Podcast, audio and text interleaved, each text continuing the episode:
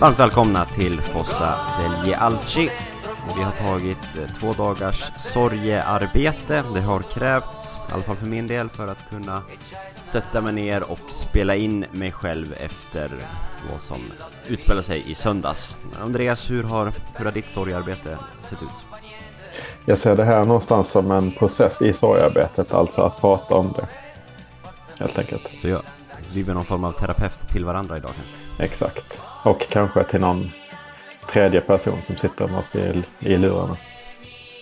För den tredje personen, Kerim, är icke med idag. Han är som sagt en, eh, han har en elitkarriär i fotboll i division 2, eller division 3 eller något. Division 3 är det nog. Eller till och med 4 kanske. jag vet inte. Någonting. IFK Nyköping. Han har mycket med träning och jobb och sånt. Så han kunde inte vara med idag. Och han är också väldigt upprörd, så jag vet, inte, han ville inte vara med, tror jag. Ja, vilken ända ska man börja? Vi kan väl säga det att det här avsnittet kommer handla primärt om eh, Derby della Madonnina. Och vi är väl i slutet av det här avsnittet inne och touchar lite på vad som komma skall, det vill säga kuppmötet mot Juventus. Men huvudfokus på, på derbyt. Alltså ska man börja så kan man ju börja där det började för all del och det är med tifona.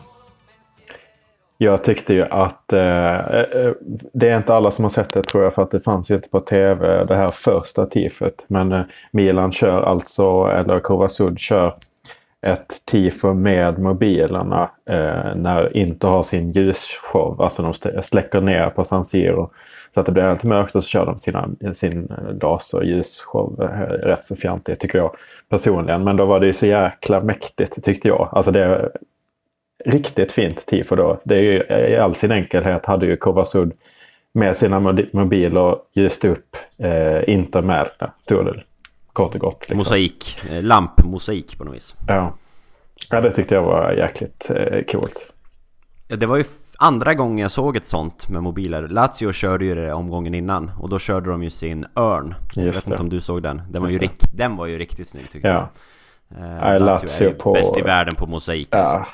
Jag har sett dem Mellan... några gånger. Det är sanslöst vilka tifon de gör. Eh, sen har jag, jag tyckte också det var rätt häftigt. Utifrån att, att inte kör sin eh, lasershow alla Östersund typ. Eh, så var det en ganska snyggt statement. Eh, sen har jag läst en hel del skit om det så här i efterhand. Att, att det är den moderna fotbollen och man kan inte stå utan sin lampa och tifon ska målas, jada jada. Eh, och jag kan väl hoppas att det inte sker allt för ofta med sådana här lamptifon. Eh, för det är ju svårt att få Alltså text likt inte Merda och Latios Örn går ju Men det är svårt att göra något så mycket mer Ja, ja alltså jag, den kritiken köper inte jag sen. Och det var ju bara en grej. Det är ju ett hån liksom till den här lasershowen indirekt kan jag tycka. Eller ljusshowen. Eh, det fanns ju tifo där på sen också. Men jag, jag väljer att bara se det som ett briljant, eh, ja, briljant tilltyg.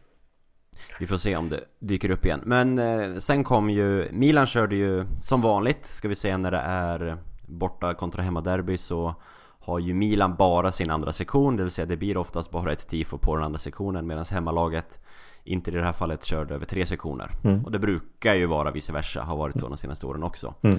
Eh, läst liksom uttalanden om att Inter krossade Milan i derby, eller i tifokampen. Eh, men det är kanske inte så svårt när man har tre gånger så mer yta ja. att jobba med. Eh, men börja med Kurva Syds tifo. En seriestripp va? Mm. Sen bla bla bla Inter Gossip. Har du hängt med på den? Vad det handlar om? Ja, jo, jag har läst. Det är väl rimligt att tro att det är ett statement som har med, med eh, ja, ultraskulturen att göra. Det är en företeelse som är väldigt vanlig i den världen är eh, eh, som jag har läst mig till, det här är ingen som jag har egen erfarenhet av, men som jag har läst mig till eh, i uppdrag på den här eh, lyssnarfrågan vi hade om, om våra fans. Som vi kan prata om någon annan gång. Men eh, det är att eh, Ehm, man pratar inte med polisen, man samarbetar inte med polisen som Ultras gruppering och eh, det, eh, med all eh, tydlighet så, så, känns det som att det är det som, som Kovasud menar att inte har gjort.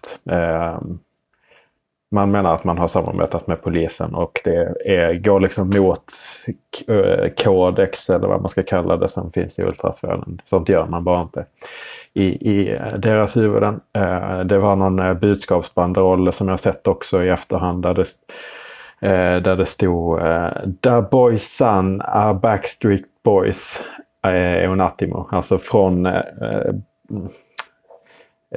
Boys Sun som är en, en eh, i Kurva Nord, Intersupportrar till Backstreet Boys. Alltså då menar man att man har börjat sjunga och sjunga är ju sånt jag vet inte om det är maffiaspråk från början, men man använder det i maffiasammanhang. Att man sjunger, då pratar man med polisen. Det är synonym för det. Ja. Så det är det man var ute efter, tänker jag, i tifut.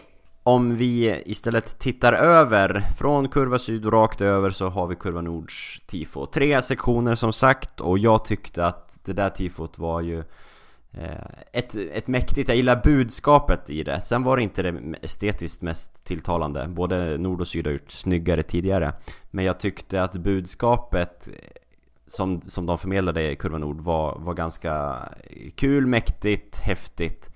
Eh, man hade ju en, en djävul och man hade en, en pålare egentligen nere i marken och jag har jag också läst på i efterhand För att tacka våran gamla vän Sia Interistan som ju var på plats som vanligt och har egentligen förklarat vad det här tifot handlar om. Jag vet inte, har du läst hans utläggning?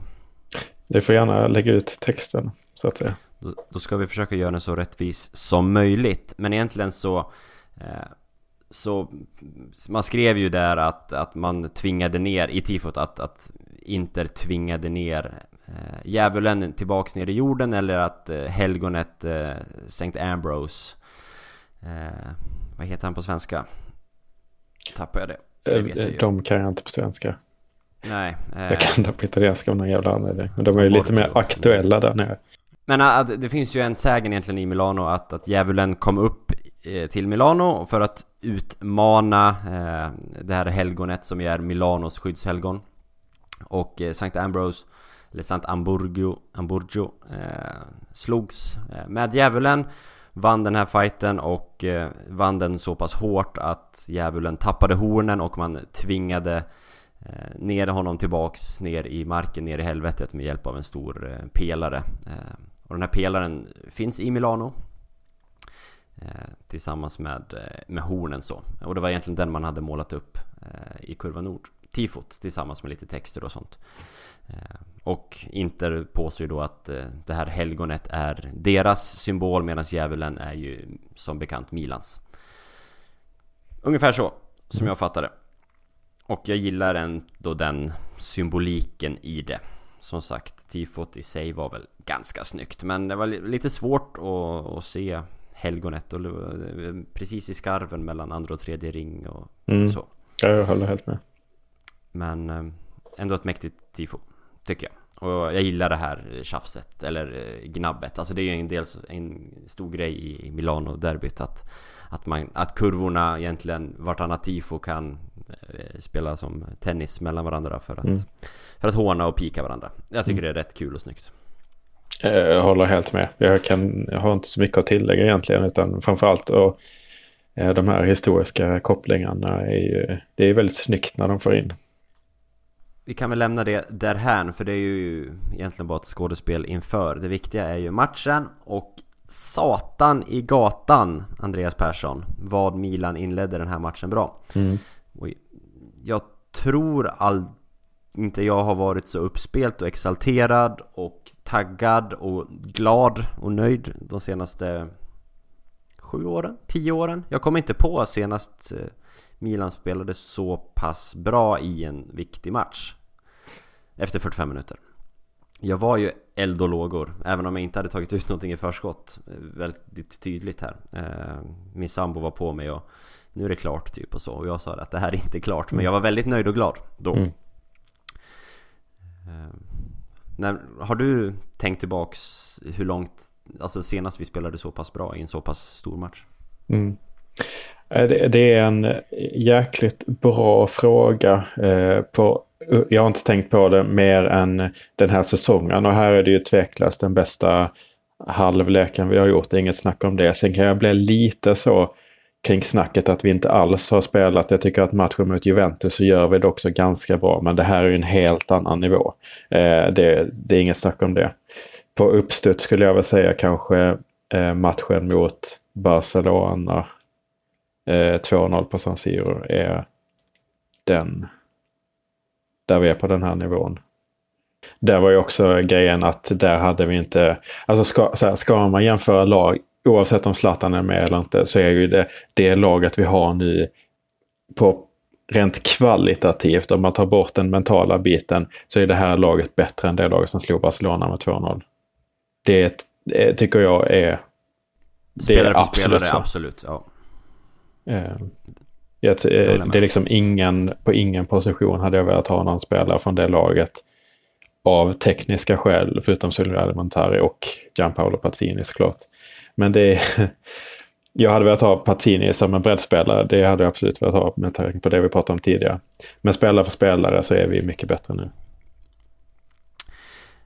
Ska vi på något vis göra någon analys i, i första halvlek eh, taktiskt, tekniskt så är det ju ett, ett nytt system som eh, du eh, var väldigt nöjd med inför när ryktena började komma med Chalanoglu eh, som egentligen släpande och han sattes ju inte där primärt för att han är så otroligt bra på våra släpande anfallare eller offensiv trekvartist eller så ja. Primärt tror jag, ja. utan han sattes ju där för att ha en till mittfältare centralt och för att punkta bort mm. Brozovic. Det är supertydligt ju från start Verkligen så. Sen får det ju, så jag, jag, hoppas att det inte bara är därför, för jag hoppas att det är så här vi ska spela eh, i alla matcher i princip. Och eh, det är anledningen till det att det är ett överlägset, alltså jag var ju jättenöjd inför och det är för att det här systemet är enligt mig det sättet som vi får ut det bästa av våra spelare. Eh, framförallt de som är i form. Eh, jag har tidigare, jag vet inte om jag sagt det i podden eller om det är när vi har pratat om det, men jag har ju förespråkat 4-2-3-1 och det här är ju 4-2-3-1 i offensivt spel. Eh, eller eh, ja, för de som följer mig på Twitter, det här är bara repetition vad jag sa innan matchen, men det är ju 4-2-3-1 det kommer bli och det blev ju 4-2-3-1 eh, i offensiv riktning.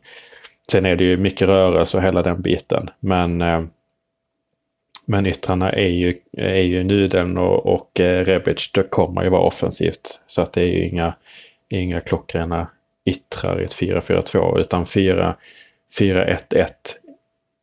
är för att få en mer eh, defensiv stabilitet. Så det är de utgångspositionerna vi har i defensiven och det är det som har, har lett till stor del i mina ögon till vår framgång nu är att vi har spelat 4-4-2 och blivit mycket mer kompakta defensivt. Sen kan man ju säga vad man vill, vi släpper in fyra mål nu om, om defensiven, men eh, jag eh, tror väldigt mycket på den här formationen. Vi har att Hakan inte bara kunde markera ut Brozovic, eh, men han kommer även till sin absoluta rätt. Han är ju väldigt bra här. Han kan hota med sitt skott, han kan kombinera med Zlatan. Eh, och han är jäkligt vass i den här matchen på att hitta ytan allmänt mellan försvar och backlinje. Eller försvar och mittfält. Han eh, eh, ja, kommer, kommer till läge där hela tiden. Och Zlatan kan man då med det här systemet ensam utnyttja till det han är riktigt, riktigt bra. För det han har stuckit ut på spelmässigt i mina ögon är absolut i boxen. Han vinner ju alla dueller. Och det här är alltså mot Godin, Skriniar och eh, och eh, De Frey, det är ju oerhört imponerande.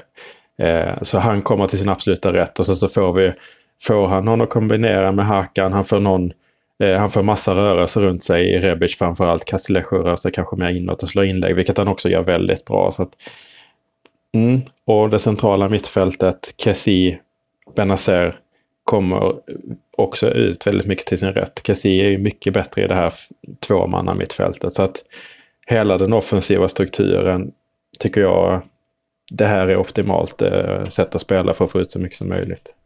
Jag tycker Frankesi är ganska intressant för jag och många med mig har väl sett honom som hans absoluta styrka är egentligen box till box Springa med boll, stark i duellerna Komma in, fylla på och bli ett hot i boxen Att det på pappret ska vara hans spetsegenskaper. Sen har han ju inte förvaltat så mycket inne i boxen som man kanske hade hoppats. Men jag håller med dig om att han som mer liksom bredvid Benazer, lite mera fast i de centrala delarna på planen.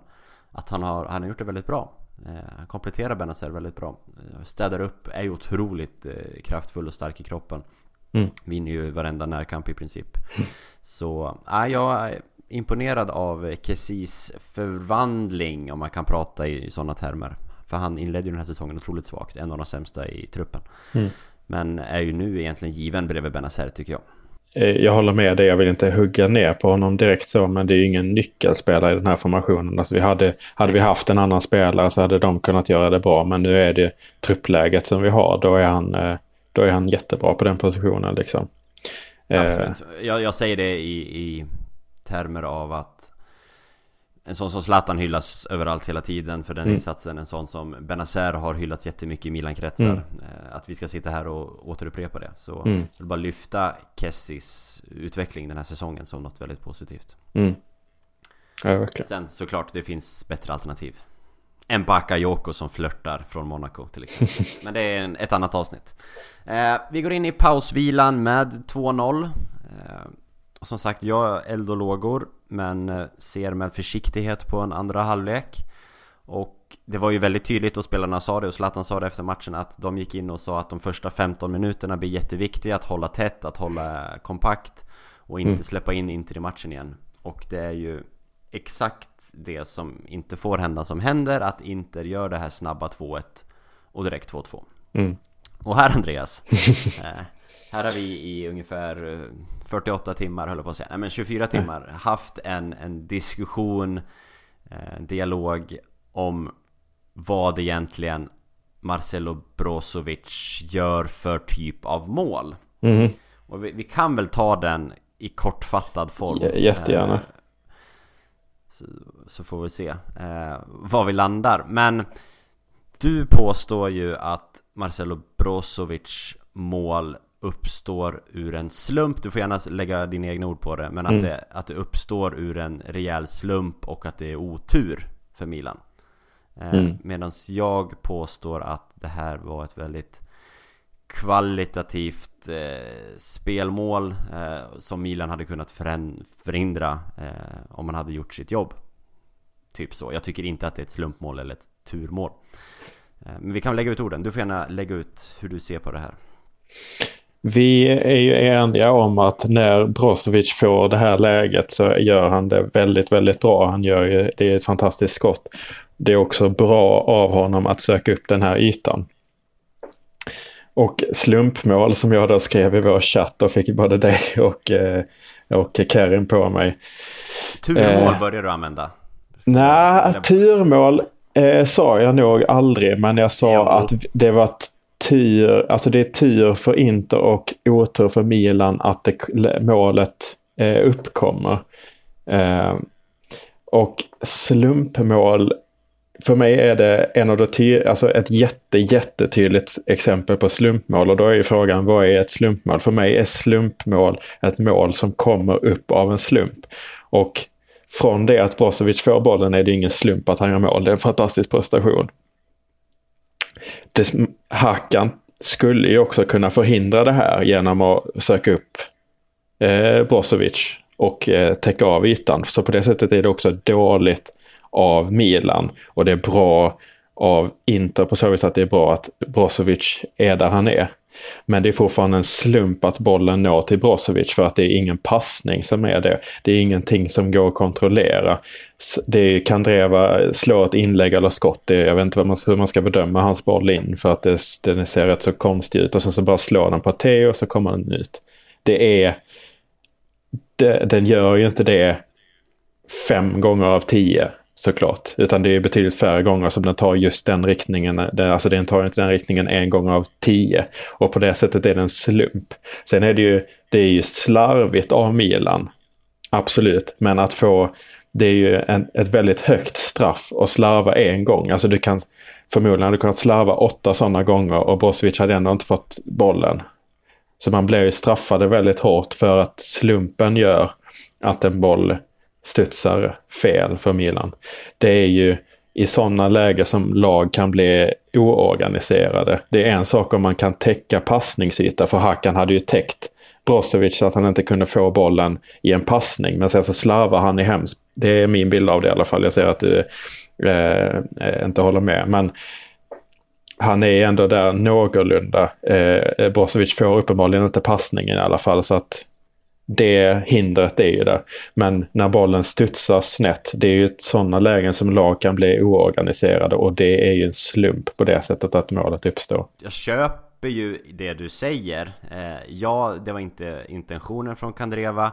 Eh, ja, eh, förmodligen landar inte 50% av dylika inlägg där. Även om jag skulle inte säga att det är allt för få inlägg som landar precis i boxen. Eller precis utanför boxen. Eh, och jag håller inte med dig om att om att Hakan, eller vem det nu var, hade gjort sitt jobb. För att tittar man på reprisen är jag tämligen övertygad om att eh, Kandreva kan slå en passning 10 meter i sidled och Brozovic står helt ren där också. Eh, han skulle kunna lagt in den eh, på samma yta och Brozovic fått ett läge, inte samma läge för att det blir en volley och det blir en annan grej Men han hade kunnat få bollen precis utanför straffområdet med en enkel sidledspassning Möjligt, men han får inte det. Hade han fått en passning så är det en helt annan situation. Det är det jag menar.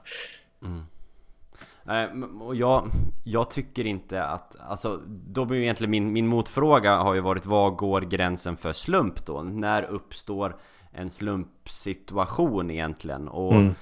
Eller tur, alltså det var väl egentligen ordet Du använde ordet tur och det var väl det jag primärt reagerade på mm.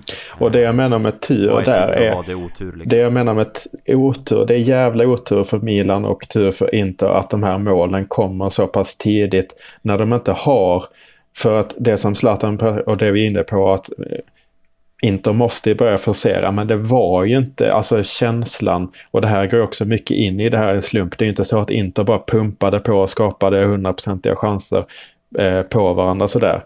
Utan det är det att Inter får ju utdelning utan att ha det där riktiga övertaget och det är det som är så jävla tråkigt för att hade det dröjt och, och att det kommer så tidigt, hade man haft ett slumpmål också tio minuter senare, då hade det inte alls haft den effekten. Eh, givetvis hade det gett energi men nu kom det så pass tidigt och då får man ju känsla av att man kan vända på det liksom. Mm. Och det jag, det jag vänder mig mot är ju Alltså för mig är slump eller tur någonting som man absolut inte kan förutspå Någonting som man liksom, oh shit Vi kan inte göra någonting åt den här situationen Egentligen, utan det var bara Inters tur som gjorde att de satte den eh, att, att bollen landar, att den tar och vinklas ut typ 90 grader utifrån hur inlägget slås eh, mm. upp i luften så. Men liksom det slås från kanten och landar precis utanför straffområdet. Eh, det kan ske. Det är inte hälften av gångerna och kanske inte en tredjedel av gångerna. Men att bollen landar där den landar utifrån var inlägget kommer är en, en händelse som kan ske. Eh, och den händelsen ska kunna få ske men Milan ska stoppa det genom att Hakan står han ska stå där. För han, han går, alltså det finns så många repriser, jag har kollat på det här målet flera gånger. Han kan förhindra det här målet. Eh, genom att göra sitt jobb, det han är tillsagd att göra. Det som Pioli påpekade utan att nämna Hakan efter matchen. Mm. Och jag vet att du håller med här. Mm. Eh, men för mig så är det ett mål som Milan kan förhindra. Således är det inte ett turmål eller en slumpsituation eller vad du nu vill kalla det. Utan Nej. det är dåligt av Milan primärt. Men, men, så kan man ju säga om allt i så fall. För att man, man har ju sina positioner och man är i så fall, man ska ju alltid ha sina positioner och då går det inte att göra mål. Men sen så sker ju slump att eh, någonting kan ske. Alltså det är något oförutsägbart som sker. Visst, man kan förutsäga det. Eh, och man borde göra det, så det är ju en dålig prestation av Milan. Men slumpen i det här fallet, alltså man kan ju kolla på det rent fysiskt eh, om en boll slår på en spelare så kommer det ju, alltså den kan ta den kan ju gå ut till hörna, liksom. Du har ju alla det här, alltså du kan ju bara kolla på graderna liksom från hans kropp. Eh, och så kan du se att ja, men den går, hälften av gångerna så kommer den ju gå till vänster hälften av gångerna kommer det gå till höger eller nu är det förenkling för det kan gå rakt mot Kandreva också. Liksom. Så att om du bara kollar på det gradantalet så är det ju väldigt få utfall som kommer leda till att den går dit. Det är ändå så att Milan ska täcka upp den ytan för att det är en väldigt farlig yta och Brozovic är där. Men det är otur att man blir straffad när man slarvar. Säg att man slarvar en gång så är det otur att man blir straffad just den gången. Våran det är väl, alltså vi landar ju, det är egentligen en definition av ord och jag tror inte vi kommer så mycket längre. Mm. Jag tycker att Milan skulle förhindrat det där målet. Punkt slut. För bollen, ja, bollen, jag, jag, jag kan inte tillägga så mycket mer. Men egentligen min motfråga, som jag också har ställt till dig i chatten tidigare, är då exempelvis Zlatans mål också en slumpmål eller ett turmål eller en slumpsituation? Utifrån att det inlägget eller hörnan slås och Kessie försöker ju gå på bollen och göra mål Men på något vis eh, Missar, skarvar och den går över honom och Zlatan står ren Och Skriniar gör inte sitt jobb Är det samma ja. sak då där? Eller? Alltså det blir ju inte riktigt samma, ja alltså det är en mer naturlig, alltså visst det, det, det, det är också svårt att definiera, definiera exakt vad ett slumpmål är för att vi kan inte beräkna, vi kan inte göra sådana beräkningar för att vi, är... alltså klart att man hade kunnat veta det om man hade vetat allt liksom för att allting går att föra sig om man kan allt men det kan man ju inte liksom. Det finns så många variabler. Eriksens frispark kan ju inte han styra, så han kan ju inte göra någonting annorlunda för att den ska gå till krysset. Det är så extremt små marginaler. Var ska han träffa annorlunda på foten liksom för att det ska ske ett annat utfall? Det är ingenting som han kan göra om alla, alla parametrar liksom i luftmotstånd och hela den biten. Alltså det är helt omöjligt. Eh, så. Men eh, kontentan med det jag ville säga istället för att fastna ännu mer i den här diskussionen, för jag skulle kunna säga mycket mer, är att jag tycker att det är att inte ha flyt, med det sagt inte att eh, de vänder på något ovärdigt sätt, men det är, jag tror att Milan hade kunnat hålla ut betydligt bättre om man inte fick de här målen som ändå Eh, alltså som sagt, i, jag skulle säga kanske i två gånger av tio så studsar den till Brozovic då är det ju otur att den gör det för Milans skull. Eh, just då, även om man passerar dåligt så, så blir man inte alltid straffad för det och det är oflyt. Eh, för det uppstår lite och det handlar också någonting om momentum. Alltså visst, det studsar lite när Milan gör mål, att det studsar lite snett. Men där, där hade ju liksom Milan hade ju en hel halvlek med bara liksom pumpa läge på läge på läge. Då kommer det till slut eh, någonting falla, alltså rent sannolikhetsmässigt om vi snackar de här procenten hit och dit med att bollen studsar i en viss riktning. Eh, då jämnar ju det någonstans ut sig men Inter, jag, jag hade inte alls den känslan av att Inter har momentum nu och nu kommer de vända och sånt där utan det kom liksom lite turligt mål och då får man energi och då skjuter man igång och andra målet är ju extremt nära att vara offside. Extremt nära och det är samma sak där, det är ingenting som Sanchez är, ingen spelare är så bra passningslägen, jag kommer inte ihåg vem som, som var det. Men... Det var Godin av alla människor. Just det, just det. Godin är ju inte så bra passningsläggare och Sanchez är inte bra, så bra djupledsspelare att han att de har kontroll över den här en centimetern som han är offside till slut. När två spelare som, som Conti och Sanchez springer i varsin riktning. Eh, det handlar om så extremt små marginaler. Eh, där vissa hävdar att det är offside, det ser ut på vissa bilder liksom det är ju, det är ju, de har ju flit med marginaler där. Sen är det ett, ett snyggt spelmål liksom. Men att de här två målen görs är, är ändå inte bara 100% deras prestation utan det är ju en, en, en stor andel flyt. Sen menar jag inte att Inter inte vinner värdigt, sen kanske ett värdigt resultat hade varit lika eller något sånt där sett till matchen kan jag tycka i helhet. Men jag tror att matchen hade gått väldigt annorlunda om de inte hade fått de här flytmålen. Liksom. Vi har nog olika definitioner på orden tur och slump på något vis på fotbollsplanen. Men eh, vi behöver inte fastna vidare i den Nej, det är, det är en definition, eh, definitionsfråga helt enkelt. Och jag håller väl med om att Inter vann den här matchen välförtjänt. Jag är otroligt imponerad. Vi har pissat på Inter i den här podden i omgångar genom alla år och det gör vi naturligt eftersom vi håller på Milan. Men att Antonio Conte ändå kan gjuta mod i det här laget och få dem ändå att vända. Är imponerande tycker jag. Sen kommer man kanske tillbaks då till diskussionen att de får sina snabba mål och så vidare. Men det är jag, inte, jag är imponerad ja, det är inte av bara Contes tränargärning. I den här matchen. Så, som motivator, absolut. Um, jag tycker vi kan avsluta den diskussionen med att lägga upp en, en uh, lyssnare, alltså en, en omröstning på Twitter så kan folk rösta. Var det slumpmål som det var? Eller vad var nu ditt alternativ? Ja. utan det var dåligt av Milan och skickligt av Inter. Det tycker jag också. också tycker. Ja. Mm. Men, Slumpmål, eh, ja eller nej? Ja, absolut. Nej, eh, eh, han gör det bra, verkligen. Conte ur ett motivationsperspektiv. Taktiskt så tycker jag att han är svag. Eller Pioli läser ju Conte fullständigt. Det är inte bara det att han plockar Brozovic som är en jättenyckel utan han stänger av yttrarna på ett väldigt effektivt sätt. Eh, så Inter brukar ju liksom bara söka sig till yttern och sen upp vidare. Eh, ofta Lukaku som kan nicka ner eller något sånt där. de, eh, Milan raderar ut Brozovic och eh, skärmar av yttrarna så att de inte kan liksom söka den uppspelsvägen och då har Inter verkligen ingenting att komma med. Alltså, jag tycker att Inter är sämre i första halvlek än Milan är, är, är dåliga i andra. Liksom. De hade ju ingenting liksom. Eh, och där tror jag att Inters eh, svaghet, eller jag hoppas i alla fall det, kommer att ligga för de är så jättelättlästa. Eh, sen kan det vara en annan grej om, om Eriksen kommer in i det så kan han ju liksom med sin kreativitet lösa andra saker på ett annat sätt. Men jag hoppas att typ Lazio i helgen tar tillvara på det här lättlästa bara på samma sätt blockera bort Brozovic, blockera yttrarna. Så ser vi om Conte har några svar på det för att eh, jag tycker inte att han har det.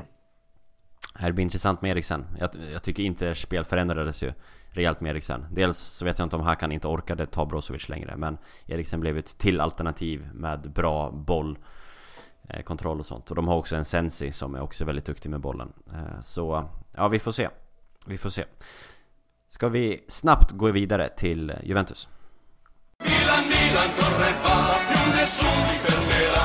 Milan, Milan, mondo intero può conquistar. Ja, men, eh, jag vill passa på att säga en sak till om derbyt och det är eh, ändå... Det, en del eh, i det här är ju att vi möter Juventus väldigt snart så man måste ju liksom ladda om och ta nya tag. Men jag fick ändå, jag hade rätt så lätt att smälta derbyt. Nu var jag, nu var jag hemma igår och liksom jag vägrar prata någon så allting är relativt. Eh, men eh, jag hade rätt så lätt att smälta derbyt eller lättare än man kan tro för att det så pass, såg så pass bra ut. Och det tycker jag verkligen man ska ta med sig för att det här är som sagt den bästa matchen vi har gjort och nu tycker jag att man kan gå in. Nu känner jag att vi kan gå in i liksom alla stormatcher och verkligen liksom hoppas på någonting. Det känns som att framförallt mot här Roma, Lazio och sånt där, vi ska fan eh, eh, slå dem liksom. Kunna slå på dem, slåss med samma, med samma nivå liksom. I alla fall.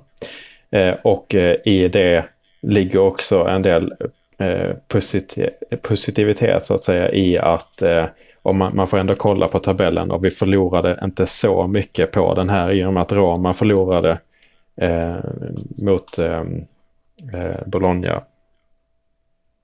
Och eh, Musavero gjorde två mål och en fantastisk assist på tal om min hyllning för podden. Många sådana hyllningar jag har gjort som har eh, har visat sig... Ja, jag får, jag får akta mig vad jag säger. Jag får inte hylla fel spelare.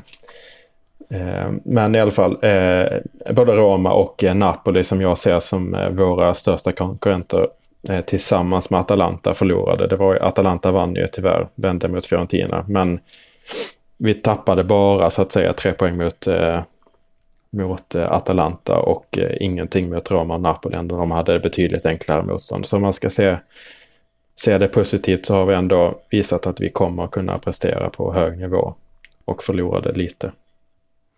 Om jag får bara jättekort säga vad jag att smälta derbyt så blev på något vis fallet Alltså jag klättrade upp så pass högt så fallet blev så hårt och så tungt. Eh, Det sved. Eh, Absolut. Ja, I, det, I det längre perspektivet kanske jag kommer se tillbaks på det här liknande dig. Eh, Men fallet, det var väldigt tungt och jag hade inte möjligheten att vara hemma från jobb måndag. Mm. Så jag hade ju 15 idrottsintresserade kollegor som ville prata om matchen med mig. Eh, vilket inte är helt lätt. Förståeligt. Juventus på söndag, Andreas. Mm. Eh, toppmatcherna avlöser varandra. Det är första cupfinalen, eller cupsemifinalen ska jag säga. Det är i princip slutsålt igen på San Siro. Otroligt kul, publiken, alltså jag vet inte om vi har hyllat Kurva Syd tillräckligt de senaste åren. Jag tycker Kurva Syd har gjort en otrolig... Eh, de har liksom lyft sig de senaste två, tre, fyra säsongerna. Eh, jag tycker de har gjort ett, ett jättelyft eh, i, hur, alltså i kapacitet, hur många de är på plats, hur mycket de hörs och vad de gör och så vidare. Imponerad, men det är kanske ett annat avsnitt också. Men eh, fullsatt mot Juventus på, på San Siro. Eh, Cup, eh, köra full gas eller eh, avvakta? Vad säger du? Så enda anledningen, det är ju en fantastisk möjlighet att liksom eh, komma tillbaks upp på hästen som man säger. Eh, mitt enda orosmål är ju det som jag var väldigt eh, bekymrad över i förra avsnittet. Det är ju Zlatan, om han orkar. Eh, för eh, det här systemet som jag är väldigt eh, svag för och tycker att Milan ska spela på. Det har jättebra eller helt okej okay täckning på alla positioner. Hakan kan bytas mot både Paketar, Bonaventura, jättebra ersättare. Leao kan, kan med lite modifiering hoppa in på en kant och Rebic kan, kan hoppa på andra kanten också. Vi har den här belgaren som kan ersätta Castellesh och vi har Bilja och Kundi som kan spela centralt för de som spelar där. Vi har bra täckning på allt men vi har ingen ersättare alls till Zlatan. Med det här systemet så finns det inte en chans att vi kan spela med Leao i den positionen. Är min bild i alla fall, utan då får man göra om väldigt mycket. Så det, allting handlar om eh, pallar palla Zlatan eller inte. Eh, men alla andra spelare ska ju gå, gå fullt liksom.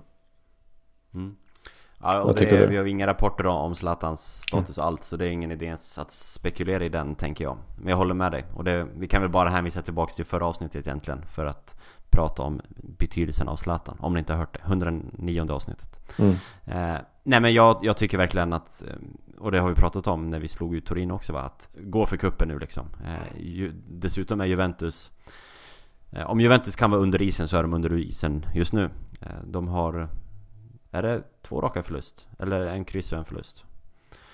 Nu står det still, jag har inte siffrorna framför mig. Men de förlorade ju senast mot Hellas ja. efter hjältarna Pazzini och Borinis mål. Ja, fantastiskt. Eh, sen kanske det bara innebär Hellas också Juventus... efter min hyllning. Går ja, och spelar ja, oavgjort mot Milan, oavgjort mot Lazio borta och sen eh, vinner mot Juventus. Eh, på en vecka. Du, du, behöver komma ner på jorden. ja, jag vet inte vad jag ska göra. Men, eh, Sen får vi se om det innebär att Juventus fortsätter ur form här på torsdag Eller om det innebär att eh, det gör revanschsuget.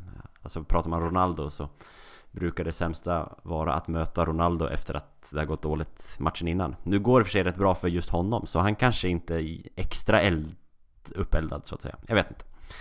Eh, men jag tycker såklart att man ska gå för det. Eh, full fart framåt egentligen. Spela likadant. Eh, i princip med te tekniska och taktiska modifikationer såklart men med samma frenesi och med samma eh, tro från start. Det är det jag vill se. Ja, verkligen. Ja, alltså, man kan ju spela samma taktik också. Hakan kan ju bara stå på Pjanic istället så blir det samma grej. Liksom. Men eh, eh, verkligen det du säger också, det nämnde vi inte, men det är ju den farten och frenesin och den, det pressspelet som vi hade som var helt fantastiskt. Och eh, eh, nej, så här, alla kombinationsspel och sånt som bara gick så jäkla kvickt. Eh, Hakan och Rebic framförallt jättebra samarbete tyckte jag. Eh, så eh, eh, det, det, hoppas jag, om jag, som jag sa lite innan med om Zlatan kan vara så dominant i ett straffområde där han möter tre mittbackar och de är Godin, Skrinja och, eh, och eh, De Frey som alla är liksom rätt så robusta att möta. Då kan han göra i princip vad som helst mot Bonucci och De Ligt som är högt aktade mittbackar men där borde han ju kunna dominera fullständigt också. Dessutom så har vi nästa möte är ju mot Torino först på måndag. Och är det något, eh, alltså Torino är ju liksom verkligen i superfall, liksom sparkar tränaren men ser ändå kaosigt ut. Itzo är avstängd, fick rött kort senast, liksom det är... Jag vill inte säga ta ut någonting i förskott för jag tycker det är en tuff Serie A, men eh, i Torino känns det som en av de enklaste motstånden, motstånden man kan möta just nu. Jag tänker nästan att vi stannar där Andreas. Eh, vi har lagt mycket tankekraft och emotionella känslor på derbyt, både du och jag. Så har inte jättemycket att säga om, om Juventus, utan vi får ta det i efterhand. Helt enkelt. Och vi sa, eller jag sa så inför, ja men vi kör ett kort avsnitt, 30 minuter. Vi är nu uppe på 45 ungefär. Så det blir ett normalt avsnitt. Ja men det är väl lagom. Det är helt lagom. Eh, något sista att tillägga? Eh, jag, jag, har fått lite frågor om, jag, jag, får alltid massa frågor Eller jag kanske ska avsluta med det, om, om resor och sånt Har du något om Inter eller Juventus att säga? Något sista? Jag kan alltid säga mer. Jag kan säga till exempel att eh, matchen mot Juventus senast tyckte jag att vi gjorde det jävligt bra. Om, om det är de som inte minns så var det ju att Ronaldo byttes in. Ehm, eh, byttes ut menar jag och Dybala in och Dybala avgjorde sent. Där stod vi upp väldigt bra. Så vi har ju varit bra i vissa sådana här stormatcher innan. Så det handlar inte, Zlatan har gjort jättestor mental skillnad. Men det finns en inneboende kvalitet i den här truppen som jag jättemånga underskattar. Jag tror det är farligt att göra det utan får man göra lite fel analys då. Ehm, så vi började spela bra när Pioli tog över, hade jättetufft spelschema och fick inte poäng mot Juventus till exempel trots att vi spelade väldigt bra. Men det var ju också tuffa lag vi mötte. Sen tycker jag inte vi har spelat sådär jättebra eh, sen Zlatan kom heller fram till nu egentligen. Utan det har varit enkelt spelschema. Men nu börjar det eh, komma igång. Bra. Eh, jag tänkte bara kort säga, för jag får ganska mycket frågor utifrån att det ligger en Milan-guide, eller Milano-guide på svenskafans.com som jag har skrivit eh, för typ sju år sedan. Eh, så får jag fortfarande mail med massa frågor om biljetter och resor och så vidare.